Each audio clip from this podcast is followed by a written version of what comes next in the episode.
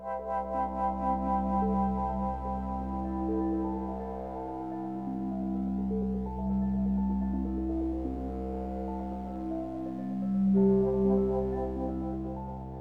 Suzi ile Kırılgan Sohbetlere hoş geldiniz. Ben Suzi Amado, klinik psikolog ve dışa vurumcu sanat terapistiyim. Yanımda Öznur Turalıoğlu Seyhan var. O da psikolog ve medya sektöründe çalışıyor. Hoş geldin Öznur. Hoş bulduk Suzi. Öznur, bugün ben mindfulness konuşmak istiyorum. Çok sevinirim çünkü çok merak ediyorum. Bilmiyorum ve her yerde karşıma çıkıyor. Bu aralar çok popüler gerçekten. Nedir ne değildir, aslı nedir? Senden öğrenmeyi çok isterim yani. Benim de favori konum o yüzden ben de çok mutluyum bunu konuşacağımız için. Ve şu anda şunu fark ettim. Sen bana aylardır Suzi bana bir mindfulness anlat dedin. Evet, Ve ben aylarca anlatmadım. evet. Şimdi de Şimdi Bunun de podcast'te podcast'ini anlatıyorum. yapıyoruz. Hadi bak zaten o yüzden koştum geldim yoksa. Mevzu mindfulness'ı öğrenmek. hoş geldin. Hoş bulduk. Mindfulness nedir? Hiç duydun mu? Hiç biliyor musun ne olduğunu? Duymaz olur muyum? Eminim ki sosyal medyada birazcık yer alan herkes mindfulness'la ilgili az buçuk bir e, bilgi ya da fikre sahip. Çünkü neredeyse artık bizim market bile sokaktaki Bekir abi bile işte mindfulness tekniğiyle ekmek e, hizmeti falan gibi bir şey yazacak. Yani o kadar o kadar şey oldu yani e, okullarda, iş yerlerinde her yerde bir mindfulness aldı gidiyor. Ama benim bir birazcık öğrendiğim kadarıyla aslında bu topraklara çok da yabancı olmayan bir eee, ne diyelim bir düşünce sistemi. Hı. Doğru mu? Düşünce sistemi mi mindfulness? Nedir mindfulness? Mindfulness aslında bir varoluş hali Hı hı. diyebiliriz bence. Bu arada Türkçesini bilinçli farkındalık diye çeviriyorlar. Bazen farkındalık diye çeviriyorlar. Bana ikisi de çok içime sinmediği için genelde mindfulness diyorum. Hı hı. Bir arkadaşım şuurlu olma hali diye çevirdi. Berak Yurdakul var. Eğer mindfulness hani bu program ilginizi çekerse onun kitabını hemen alıp okuyabilirsiniz. Hı hı. Ev yapım bir paraşütle başlayabilirsiniz. Evet ben okudum ve gerçekten çok keyif aldım ki hani bu tarz biliyorsun kişisel gelişim kitaplarına hep böyle mesafeli yaklaşırım. Ama gerçekten eee, benim hayatımda da bir sürü şey değiştirdi. Senin tavsiyenle okumuştum ben de tekrar tavsiye etmiş olayım. Evet o bunu teşekkürler.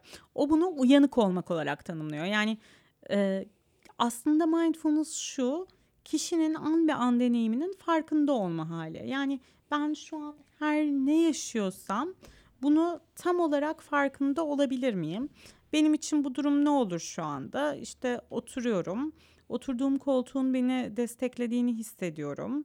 Üzerimde bir polar var ve o poların böyle e, tenime değişini hissediyorum. Bacak bacak üstüne atmış durumdayım. Etrafta böyle Taksim'deki stüdyomuzun e, renklerini görüyorum. İşte koyu kahverengi bir masa var önümde ve hani bu renkler var. Öznur'u görüyorum ama yarısını görüyorum mikrofon olduğu için. E, gördüğüm şey bu. Öyle bir ışık parlıyor karşıdan gibi bir şey mi? Evet Öznur'cum parlıyorsun. Ee, ondan sonra bir ses yok. Zaten izolasyon bayağı iyi olduğu için hani sadece kendi sesimi ve Öznur'un sesini duyuyorum. Şu saniye kendi sesimi duyuyorum. Aklımdan mindfulness'ı en iyi şekilde nasıl ifade edebilirim düşüncesi geçiyor. Duygum da rahat yani rahatım böyle kaygı, heyecan falan öyle bir şey yok. Hani dinginim. Hı. Kelimesi bu. Benim şu anki halim bu. Mindfulness bu halin tam olarak farkında olma durumu. Ve biz diyoruz ki ben kendimi ne kadar sık ziyaret edebilirsem ve ne kadar kendi halimin farkında haya- hayatı yaşarsam hayatım o kadar dokulu olur. Çünkü birçok zaman bu bu podcast'te de sık sık temamız oluyor aslında hani bir yerlerden bağlanıyor. Otomatik pilotta yaşıyoruz. Yani mesela yolda gidiyoruz ama nasıl vardığımızı bilmiyoruz. Hani o sırada otomatik olarak gidiyoruz ya da e, yemek yiyoruz ama yemek yerken televizyon da seyrediyoruz. Dolayısıyla o yemeği yediğimizi fark etmiyoruz ve bu yüzden ne kadar yediğimizi de fark etmiyoruz. Ya da televizyon seyretmeye başlıyoruz ama o kadar kendimizi kaptırıyoruz ki onun 10 dakika mı seyrettik, yarım saat mi seyrettik, bir saat mi seyrettik hiç farkında olmuyoruz. Halbuki mesela senin kızın Öykü'ye sorsak o 15 dakikanın her anının son derece farkında. Çünkü 15 dakika sonra biteceğini biliyor. Değil mi? Evet. Mindfulness yaptığımız her şeyi daha farkında yapmaya bir davet. Ve bu farkındalığın bir takım özellikleri var. Nedir nedir diye sormak ister misin? nedir? Nedir? Nedir? nedir Suzi? Bu özellikler şöyle. Birincisi e, deneyimimizi yargılamıyoruz. Yani ben mesela bir şeye çok üzüldüysem o gün işte ben buna üzülmemeliydim demiyorum. Birine çok kızdıysam e, buna kızmamalıyım demiyorum. Ya da ben zaten hep böyleyim işte sürekli üzülen bir insanım ya da sürekli kızan bir insanım, sürekli şikayet eden bir insanım gibi bir şey demiyoruz. Deneyim her neyse o. Üzülüyorum diyoruz. İkincisi kendimize şefkatle yaklaşıyoruz. Hani ben kendi deneyimimin arkasındayım. Yani üzülüyorum ve kendime kurduğum cümle okey üzülüyorum ve bu geçecek. Ve ben kendime sahip çıkabilirim, kendime destek olabilirim. Ee, üçüncüsü kendimize saygıyla yaklaşıyoruz. Ee, kendimize aptal, salak, gerizekalı falan gibi şeyler söylemiyoruz. Dördüncüsü de ki mindfulness'ın bence esas cümlesi, esas unsuru bu. Çünkü hani insanlar şey diyorlar tamam yargılamayayım kendimi tamam şefkatle yaklaşayım falan da ne yapacağım yani ne diyeceğim kendime bunları yapmayacaksam diyorlar. Ee, içten bir merakla yaklaşıyoruz. Kendi deneyimimize içten bir merakla yaklaşıyoruz ve kurduğumuz cümle hep ne kadar ilginç. Ne demek bu nasıl merak ediyoruz yani deneyimimizi? Yani şöyle e, ne kadar ilginç hala üzülüyorum. Yani ne kadar ilginç üzülüyorum. Ne kadar ilginç ben bu kadar çok üzülebiliyormuşum. Nerede bu üzüntü? Nasıl bir his? Ne oluyor içimde? Hala devam ediyor mu? Ne kadar ilginç aklımdan üzülmemem gerek diye geçiyor. Yani o üzülmemem gerek ya ben hep üzülüyorum falan. O şeye girdiğimiz zaman ne kadar ilginç böyle düşünüyorum. Yani kendi içimizde aslında böyle ilginç bulduğumuz bir şehirde gezer gibi geziyoruz. Ne düşünüyorum, ne hissediyorum, vücudumda ne oluyor? Bunları kendi kendimize düzenli olarak soruyoruz. Ve hı, söyle. Yani aslında yaşadığımız o duyguyu gidermeye çalışmak gibi bir şey değil. Eğer üzülüyorsam üzülmemek için yapmıyorum bunu. Hayır hayır. Yaptığım bir hata yüzünden utanıyorsam utanmamak için kendimi eylemek için yapmıyorum. Evet. Aslında burada hemen bir parantez açmak istiyorum ki bu konuda daha sonra daha detaylı konuşuruz belki akış içerisinde. Şu anda mindfulness çok popüler bir şey. Az evvel dedin ya bakkal mindful nasıl ekmek satarım mı nasıl ekmeği mindful yaparım mı öyle bir şey diyecek diye. Hakikaten o noktada bir popülaritesi var. Ve mindfulness böyle şey gibi satılıyor. Mindfulness hayatınızı değiştirir. Daha zayıf olmak için mindful yiyin. Daha iyi odaklanmak için mindfulness pratiği uygulayın. Mindfulness performansınızı arttırır falan gibi. Yani mindfulness değiştirir. Hep böyle bir pompa var. Halbuki mindfulness tamamen kabul odaklı bir deneyim. Yani ben deneyimimi değiştirmeye bakmıyorum. Üzülüyorsam üzülmemeye bakmıyorum. O üzüntünün ne olduğuna bakıyorum. Öfkeliysem öfkelenmemeye ya da öfkemi bastırmaya, geçirmeye çalışmıyorum. O öfkede ne olduğuna bakıyorum. Zaten her duygunun ömrü 30 saniye. Tabii Nasıl ki yani? biz şehir insanı için 30 saniye değil ama aslında duyguların ömrü 30 saniye. Biz onlara düşünceler ekleyerek onları uzatıyoruz. Yani ben birine öfkelendiğimde, içimde o öfkeyi hissettiğimde aslında o öfke 30 saniye içinde geçebilir. Ben o anda bir şey ekliyorum o öfkeye. Bana bunu nasıl yapar? Hı hı. Ve o öfke büyüyor, uzuyor. Hı. Ee, öğrencilerle yaşadığım deneyimlerden mesela bana saygı göstermiyorlar. İnanılmaz büyüyor öfke. Hı hı. Bu dersi ciddiye almıyorlar. İnanılmaz büyüyor o öfke. Halbuki evet şu anda öfkelendim. Ne oluyor burada diyebilsem o anda onun geçmesine alan açacağım. E Peki diyelim ki çok sevdiğim birini kaybettim. Hı. Yani o acıyı, o yoksunluğu yaşayan bilir. E ve 30 saniyede geçecek bir şey değil o. Onu uzatan ne?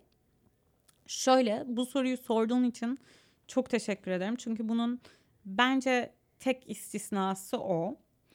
Ee, orada bir kayıp var ve o bir yaz süreci.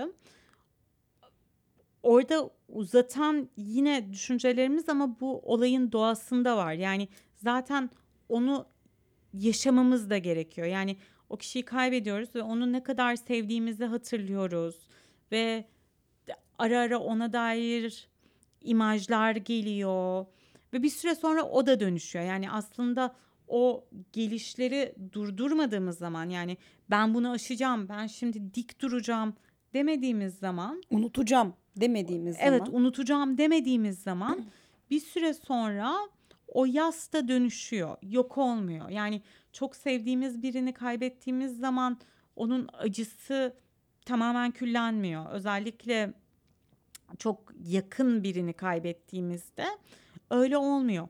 Ama o dönüşüyor. Ve Hı bir hı. süre sonra o kişiyi sevgiyle hatırlamaya başlıyoruz. O kişiyi hı. hatırlamak bize bizim içimizde birazcık hüzün, birazcık da mutluluk da veriyor. Yani hani ah bu teması ben bu kişiyle yaşadığımın mutluluğunu da veriyor. Ee, fakat yasın bir dokusu var ve o dokuda da o hatırlamak bunu uzatıyor fakat bu doğal bir süreç. Yani bunun tamamlanması gerekiyor. Evet. Hı hı. Yani bu arada bizim az evvel bahsettiğim üzüntüde, öfkede de o düşüncelerin gelmesi normal. Yani e, biz şehir insanı ya da hani normal hayatlar yaşayan insanlar olarak elbette ki 30 saniyeyi hedeflemiyoruz ama çok öfkelendiğimiz bir şeyden o öfkeden 2 saat sonra uzaklaşabilmekle günlerce o öfkenin içinde kaybolmak arasında bir fark var. O noktada biraz bizim tercihimiz işte. Değil mi? Bunu tercihimiz yapabiliriz mindfulness'la. Hı hı. aslında demin bahsettiğim şekilde yaşadığımız zaman bunu Hı hı. şunu da görüyoruz. Ben şu an çok üzülüyorum ve bu üzüntüden çıkabilirim. Çünkü biz ne kadar ilginç dediğimiz zaman aslında üzüntüyle kendi aramıza, deneyimle kendi aramıza diyeyim. Hı hı. Ee, hep üzüntüden gittik bir şekilde. Deneyimle kendi aramıza bir mesafe koyuyoruz.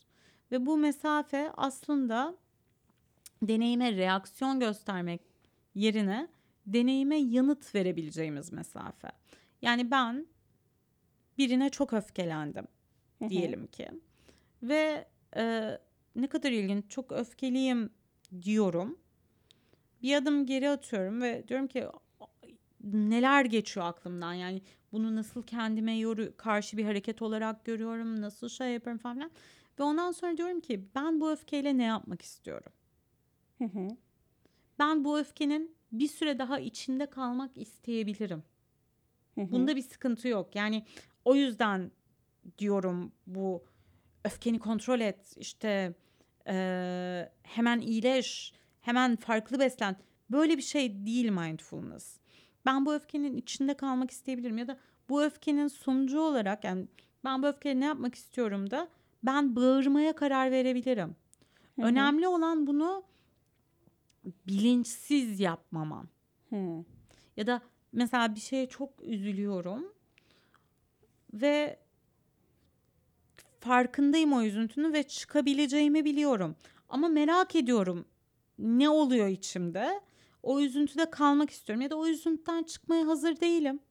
Yani sevgilimden ayrılmışım ve hani hayatıma tam olarak geri dönmeye hazır değilim. Yani onun biraz daha yasını tutmak istiyorum. Hı hı. Oradan çıkabileceğimi bilerek onun içinde kalmakla o ayrılık acısının içerisinde kendimi kaybetmek arasında bir fark var. Hı hı. Mindfulness'ın daveti ya da sunduğu şey diyeyim onu farkında yaşamak ve bir şekilde yaşarken kendini yargılamamak hani ne oluyor bu nasıl bir deneyim diye bakarak yaşamak. Ya biraz ipleri eline almak gibi. Yaşadığın anla ilgili. Öyle mi? İpleri eline almak da böyle bir yine kontrol etmek gibi Evet, de biraz kontrol etmek öyle gibi. değil. Değil, anladım. arana mesafe koyabilmek. Yani kendini uzaktan izlesen nasıl olurdu? Hani mesela Öznur bir şeye öfkelendi diyelim ki. Ee, sen o öfkeyi yaşarken bir de mesela baksan dışarıdan nasıl gözüküyor? Aa ne kadar ilginç işte şimdi kargocuya bağırmak istiyorum. Ama Aa ne kadar ilginç her şeyi kırmışım mesela. evet Keşke o tabağı atmasaymışım adamın kafasına gibi mi? Doğru anlamış mıyım? evet aynen öyle ama keşke atmasaymışım yok. Atmışım. Ne kadar ilginç. Bu çok yanlış yerlere çekilebilir tabii ki. Sadece şaka. evet. Ama nerede yani nerede yakalayabiliyorsak şeyi yani mesela bağırdıktan sonra da fark edebiliriz bunu. Hı hı. Ve "Aa, ne kadar ilginç kendimi durduramadım ve bağırdım. Geç değil yani hiçbir zaman. Hiçbir zaman geç değil. Yani olanı olduğu gibi kabul etmek ve burada bir durum var. Ben bu duruma nasıl yanıt vermek istiyorum demek. Bu beşinci kural mıydı? Hani dört tane saydık. Dördüncü Dördüncüsü meraktı. Ee, bu aslında bir kural değil. Yani kabul aslında mindfulness'ın bazı. Hı hı. Yani her şeyi mindfulness olanı olduğu gibi kabul etmek üzerine kuruyor.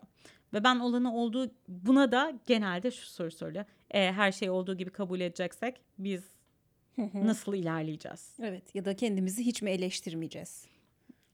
gibi sorular geliyor. Hemen yanıtlayayım ben bunları. da. Sor Öznur yanıtlayayım. E, Yapılan her iyi ya da kötü e, hareketi ya da düşünceyi, duyguyu kabul edeceksek, kendimizi böyle kabul edeceksek, kendimizi eleştireceğimiz ve düzelteceğimiz yerler olmayacak mı demek bu yani? Hayır tabii ki de değil. Şöyle aslında genelde ben kendimi olduğum gibi kabul ettiğimde, sen kendini olduğu gibi kabul ettiğinde ve hepimiz için geçerli bu. Orada bir durum analizi yapıyoruz ve ondan sonra diyebiliriz ki, "Aa ben kendimi geliştirmek için bunu yapabilirim." Ama ben böyle bir insan olmamalıyım ya da ben böyle bir insan değilimle başladığımız zaman Hı hı. onu değiştiremiyoruz. Bir tane örnek vardı. Eee, eğer yolunu bulmak istiyorsan ve harita okuyorsan Hı hı. işte mesela ben buradayım ve eee Mecidiyeköy'e gitmek istiyorum ve haritada Mecidiyeköy'ü buluyorum. Ama nerede olduğumu bilmiyorsam hiçbir zaman Mecidiyeköy'e nasıl gideceğimi bulamam. Evet. Doğru. Mindfulness da onu diyor. Sen nerede olduğunu bil, nereye gideceğinin yolunu ancak o zaman bulabilirsin. Gerçekten sıkıntının ne olduğunu ya da durumunun ne olduğunu bilmeden e, onun çözümünü bulamazsın. Bu şey gibi hani vücudumda ne olduğunu bilmeden kullandığım hangi ilacı kullanacağımı bilemem. Peki bu anlattığım pratiğe geçtiğinde çok fazla fayda sağlayacak bir şey. Hı hı. Ama gel gör ki Hı hı. hiçbirimiz hayatımızı bu şekilde e, yaşamaya alışmadık. Hiçbirimiz demeyeyim de hani büyük çoğunluğumuz en azından kendimi katayım kendi adıma. Ve bir noktada olaylara mindfulness bir etkiyle e, ya da bakış açısıyla bakmak benim için şu anda bir e, mesai demek ve bunu hatırlamam çok kolay değil. Yani gerçekten birine sinirlendiğimde hep o örnek üstünden gittiğimiz için söylüyorum. O anda dur bir dakika Öznur bir adım geri çık hani ve bak hani evet bunu kabul et demek şu anda benim pratik hayatımın içerisinde çok da karşılığı olmayan bir şey. Bunu yapmak o anda aklıma gelmez yani hani ben fevri bir insan değilim hiçbir zaman olmadım ama ola da bilirdim ve o anda bunu düşünmek aklıma gelmeyebilirdi. Şimdi de gelmez fevri olmadığım halde. Bunu bana hatırlatacak birkaç ipucun var mı yani? Evet ben böyle bakmak istiyorum olaya ama bunu pratikte hayatıma eklemek çok kolay değil. Ne yapmam lazım? Burada mindfulness uygulamaları önerebilirim. Yani zaten biz hep şunu da diyoruz. Hani o an değil mindfulness uygulayacağın an. Hı hı. Yani o an o doğal ol, yani onun doğal olarak oluşmasını sağlamak için normalde günlük hayatımızın içerisinde düzenli uygulamalar yapmak. Bu da günde aşağı yukarı 5 dakikamızı ayırarak başlayabileceğimiz bir şey. Hı hı. Ee, bunun 3 dakikasında diş fırçalama süreçlerine ayırabiliriz. Dolayısıyla zaten yaptığımız bir şey. Yani aslında günde 2 dakikayla falan başlayabileceğimiz Diş bir şey. fırçalama. Anlatacağım. Birkaç tane mindfulness uygulaması anlatayım ben. Hı hı. Ve hani dinleyenler ilginç bulurlarsa, bu mindfulness dünyasına girmek isterlerse yapabilecekleri şeyler. Bizim iki tip uygulamamız var. Bir tanesi meditasyon. Nasıl yapacağımızı anlatacağım. Diğeri de günlük hayatın içine yayılmış uygulamalar. Bunları düzenli olarak yaptığımız zaman ama buradaki anahtar kelime düzenli. Bir süre sonra gerçekten öfkelendiğinde, üzüldüğünde bunu yakalayıp bunun dışına kendini çıkartıp buna reaksiyon göstermek yerine yanıt verdiğin kıvama gelebiliyorsun. Tabii ki bunlar bir davet. Mindfulness da böyle herkese iyi gelen bir şey değil ama ben kendi hayatımda çok faydasını gördüm. Şimdiye kadar destek olduğum insanlarda çok faydasını gördüm.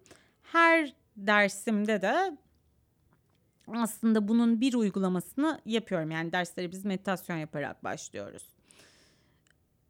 Önce meditasyon öğreteyim hızlıca. Buradaki olay şu. Tabii ki bir yığın meditasyon var. Yani mindfulness meditasyonunun da türleri, tipleri var. Ben başlayabileceğiniz bir meditasyon öğreteceğim. Şöyle e, oturuyorsunuz. Yatabilirsiniz ama ben oturmayı öneriyorum ilk etapta. Bağdaş kurarak olabilir. Rahat bir pozisyonda olabilir. E, burada en önemli olan şey rahat olmak ama hafif bir dik duruş genelde iyi diyoruz biz. Ama istemiyorsanız olmayabilir. Gözünüzü kapayabilirsiniz rahat hissediyorsanız. Yoksa açık tutabilirsiniz. Ee, unutmayın her an bırakabilirsiniz. Yani buna devam etmek zorunda değilsiniz. Ve bir dakikayla başlayabilirsiniz. Nefes alıp veriyorsunuz ve odağınızı nefesinizde tutmaya çalışıyorsunuz. Ama bu başka bir şey düşünmemek değil. O sırada düşünceler geliyor. Çünkü zihnin işi düşünmek. Yani zaten olay hani çok fazla düşünüyoruz ve bu yüzden oluyor birçok şey. Hani o üzüntüler, öfkeler, şunlar bunlar o düşüncelerle yoğunlaşıyor. Ee, o düşünce her geldiğinde aa düşünce geldi deyip odağımızı tekrar nefesimize veriyoruz. Yani her aklımızdan bir şey geçtiğinde tekrar odağı nefese veriyoruz. Bazı günler daha çok şey geçer, bazı günler daha az şey geçer ama bunun bir doğrusu yok. Arada bir şeyleri düşünürken bulabilirsiniz kendinizi. Fark ettiğiniz anda geri odağınızı nefese veriyorsunuz. Ve bunu bir dakika ya da iki dakika her gün yapmakla başlayabilirsiniz. Temel meditasyon pratiği bu. Bu her gün yapılabilecek bir uygulama ve bence bir ay içerisinde bunu günde 8 dakikaya çıkarmak ideal. Yani her gün mümkün olduğunca güne başlarken yani ne kadar erken o kadar iyi ama hiç önemli değil ne zaman yaptınız. Yani hani o gün yapamadıysanız akşam yapmayın değil. Bu birazcık aslında zihin kaslarımızı geliştirmek gibi. Biz nasıl daha kolay hareket edebilmek, daha e, atletik olabilmek için vücut kaslarımızı çalıştırıyorsak bu da dikkat kaslarımızı çalıştırmak. Neye ne zaman odaklanacağımıza karar verebilmemiz için. Yani o düşüncelerin içerisinde kaybolmamayı öğrenebilmemiz için. İkincisi de günlük hayata yayılmış uygulamalar. Günlük hayata yayılmış uygulamaları da anlatırken aslında meditasyon için de kullanabilirdim bu örneği ama burada söyleyeyim. Ee, Mevlana'nın bir sözü var. Bugün kendini yeterince sık ziyaret ettin mi diye soruyor. Aslında mindfulness bizim gün içinde kendimizi düzenli olarak ziyaret etme pratiğimiz. Burada yapılabilecek birkaç şey var. Bir tanesi e, bunu çok sık öneriyorum ben. Eğer düzenli bilgisayar başında bir işiniz varsa bilgisayarınıza Chrome'un bir eklentisi var Momentum diye. Onu yükleyebilirsiniz. Ve e, Momentum şunu yapıyor. Düzenli olarak çan çalıyor bilgisayarınızda. Ve ekrana nefes al ver diye bir şey çıkıyor. Saat başı koyabiliyorsunuz, yarım saatte bir koyabiliyorsunuz, 15 dakikada bir koyabiliyorsunuz. Tabii ki kurumsal hayatta 15 dakikada bir biraz iddialı olur diye düşünüyorum ama saat başı siz her ne yapıyorsanız birdenbire o çan çalıyor. Sizi şimdi ve buradaya getiriyor. Siz birkaç nefes alıyorsunuz. Aldığınız nefesi fark ediyorsunuz. Ondan sonra işinize devam ediyorsunuz. Herhangi bir şeyi çok sık yapıyorsanız yani işte çok sık telefonda mesaj atıyorsanız, çok sık telefonda konuşmanız gerekiyorsa, çok sık e-mail atıyorsanız, her neyse çok sık yaptığınız şey, onu yapmadan evvel bir nefes alıyorsunuz ama bunun böyle derin, belirgin, görülür bir nefes olmasına lüzum yok. Yani zaten aldığınız nefesi fark ediyorsunuz ve ondan sonra yapıyorsunuz. İkinci uygulama bu. Üçüncü uygulama ki benim çok favori uygulamam. Ee, Diş fırçalama. evet. Çünkü hepimiz dişimizi fırçalıyoruz. Der misin yo ben fırçalamıyorum falan diye. hepimiz dişimizi fırçalıyoruz ve diş fırçalarken e, ben eskiden şöyle fırçalıyordum dişimi. Sabahleyin fırçaladığımda o gün yapacağım işleri planlıyordum kafamda. Tekrar gözümün önünden geçiriyordum işte. Diş fırçalarken şimdi gideceğim ve siyah kazağımı giyineceğim. Ondan sonra metroya bineceğim. Ondan sonra geleceğim ve geç kalmamak için elimden geleni yapacağım gibi böyle bir liste geçiyordu. Aynen Kafası. optimizasyon kafası aynen. Ee, akşam- Öğrenmişim değil mi öğretmenim eski Evet. derslerimizi? Dinlemeyenler varsa dinlesinler. Süpersin Öznur'cum. Ee, akşam fırçalarken de o gün kime neyi söyleyemediysem onu söylüyordum fırçalarken böyle bir hırsla. İşte o gün mesela birine kızdıysam işte sen de aslında şu konuda birazcık düşün. Ya da sen de şöylesin falan gibisinden. Ee, sonra bu pratiği öğrendim ve uyguluyorum şu anda. Diş fırçalarken beş duyuma odaklanıyorum. Yani fırçaya macunu koy macunu fırçaya. Macunu fırçaya koyuyoruz. Değil mi? Öyle yapıyoruz. Evet. Ha, tamam. o kısım Hepimiz- mindful değil. Hepimiz dişimizi fırçaladığımızdan eminiz değil mi Suzi? evet, aynen. Korkuttun beni bir an. Macunu fırçaya sürdük. Evet. Ondan sonra ağzımıza getirdiğimiz an itibariyle e, fırçanın dişimize değmesi, değdiği anı fark ediyoruz. Diş etimize değdiği anı fark ediyoruz. Oradaki tadı fark ediyoruz. Onun kokusunu fark ediyoruz. Ve işte çalkalarken o tadın nasıl değiştiğini fark ediyoruz. Çıkan sesleri fark ediyoruz. O suyun işte soğuk mu sıcak mı olduğunu fark ediyoruz. Çalkaladığımız suyun. Bunun e, boğazımızda yarattığı ferahlığı fark ediyoruz. İşte diş macununun dilimize değmesiyle dişimize değmesi arasındaki farkı fark ediyoruz. Yani beş duyumuza full odaklanarak fırçalıyoruz dişimizi. Ve oradaki değişiklikleri fark ediyoruz. Bu arada tabii ki yine aklımıza düşünce gelebilir ama bu defa da beş duyumuza geri dönüyoruz. Ve bunu hani atıyorum bir dakika içerisinde 30 saniye düşünüyorsanız 30 saniye 5 duyunuzdaysanız harika. Yani öyle bir Hı hı. hani bunu full yapabiliyor olmak gerekmiyor. Dediğim gibi önemli olan şey o zihin jimnast yani zihin kasını geliştiriyor olmak. Bu da yine yapılabilecek bir uygulama. Bunları düzenli olarak yaptığımızda öfkelendiğimizde "Aa, ben bir adım geriye atayım demek daha kolay oluyor. Bir de zor diyaloglarda yani e, öfke anı gibi değil de hani bazen böyle biriyle konuşman gerekir. Yani böyle zor bir konuşma yapman gerekir ve onu nasıl yapacağını bilemezsin ya. Senin hiç Evet. başına gelmiyordur ama. Çok geliyor bende. Nasıl yani?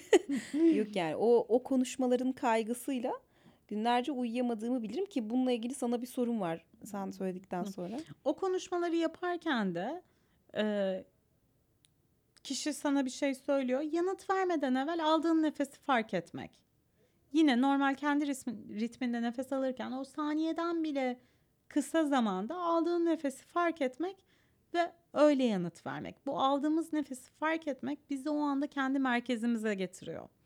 Kendi merkezimize ne kadar durabilirsek o kadar o kişinin bizi sokmaya çalıştığı sarmala girmeme şansımız oluyor. Çünkü yoksa gerçekten yani ben kendimi hani küçücük çocukla böyle şey yaparken bulabiliyorum yani. Hani Didişirken. didişirken bulabiliyorum ya da bazen böyle öğrencilere vaaz verirken bulabiliyorum hani çünkü bir, bir şey yapıyorlar ben de bir şey tetikliyor ben o sarmala giriyorum çocuklar siz şimdi falan başlıyorum hani o sarmala girmeyi engelleyen çok kolay ve çok böyle bence inanılmaz etkili bir teknik ama şunu tekrar etmek istiyorum. Bu benim hayatımda çok işe yaradı ve ben bunu düzenli kullanıyorum. Benim destek olduğum birçok insanın hayatında da çok işe yaradı. Ee, Ama mindfulness her derde deva değildir. Yani bu podcast size ilham veriyorsa tabii ki deneyin. Bu bir davet ve ben çok seviyorum bunu öğretmeyi, anlatmayı, daha da daha da doğrusu paylaşmayı. Ama baktınız işe yaramıyor. Çok şey yapmayın ya da baktınız "Cık, iyi gelmiyor size. işe yaramıyordan çok hani böyle hoşlanmıyorsunuz, çok rahatsız oluyorsunuz falan. Sizin için doğru şey bu olmayabilir. Hiçbir terapi ekolü olmadığı gibi mindfulness da her derdin devası değildir ya da her sorunu çözmez. Yani sizin her sorunuzu bu çözmeyecektir. Yüz binlerce teknik, yüz binlerce sistem var sorun çözmek için. Bu işe yaramıyorsa başka bir şey denenebilir. Ama bence dediğim gibi ben kendi hayatımdaki gözlemlerimden genelde işe yaradığını gördüğüm için bunu paylaşmayı seviyorum. Ama herhangi birisi size sizin sorunuzu bu kesin çözer ya da işte üretkenliği arttırmak için mindfulness şunun için falan hani böyle diyorsa birazcık dikkatli yaklaşmak gerekiyor ve bunun eğitimleri de çok sık veriliyor şu anda. Yani ben de bu piyasanın bir parçasıyım. Ama bence veren kişinin özgeçmişine birazcık bakmak gerekiyor. Yani ya gerçekten iyi bir eğitim almış olduğuna dikkat etmek hani bu mindfulness al- alanında mesela eğitim nereden almış gidip onların web sitesine de bakmak o referansları da takip etmek ve mümkünse bir parça daha ruh sağlığı çalışanı olan birilerinden öğrenmek bunu. Yani psikolog olabilir, işte hekim olabilir. Yani ruh sağlığı çalışanı değil de sağlık çalışanı da olabilir ama yani birazcık insan insana teması öğrenmiş ve işinin bir parçası olarak bunu yapan birileriyle de çalışmak bence çok önemli. Ben bitirirken aslında bir şiirle bitirmek istiyorum. Eğer senin için bir sakıncası yoksa o şiiri de senin okumanı rica edeceğim. Yapabilirsem tabii. Yaparsın. Yani benden daha iyi yapacağın kesin. Estağfurullah.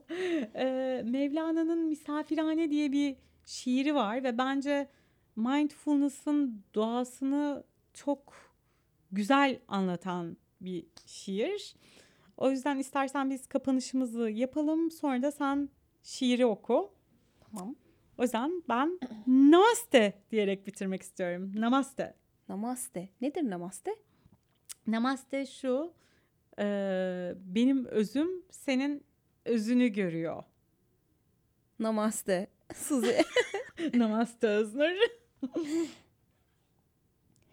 İnsan kısmı bir misafirhane. Her sabah yeni birisi gelir. Bir sevinç, bir bunalım, bir zalimlik. Aniden farkına varmak bir şeyin hepsi beklenmedik misafir. Hepsini karşılayıp eyle. Evini vahşetle süpürüp bütün mobilyalarını boşaltan bir kederler kalabalığı bile gelse her geleni alnının akıyla misafir et. Olur ki yeni bir zevk getirmek için boşalttılar evini. Karanlık düşünce, utanç ve garez hepsini gülerek karşıla kapıda ve buyur et içeri. Minnettar ol her gelene, kim gelirse gelsin. Çünkü bunların her birisi öte taraftan bir kılavuz olarak gönderildi. Çok güzel. Çok teşekkürler. Çok güzel. Ben teşekkür ederim. Efendim haftaya başka bir programda tekrar görüşmek üzere ya da dinleşmek üzere. Hoşçakalın. İyi haftalar. İyi haftalar.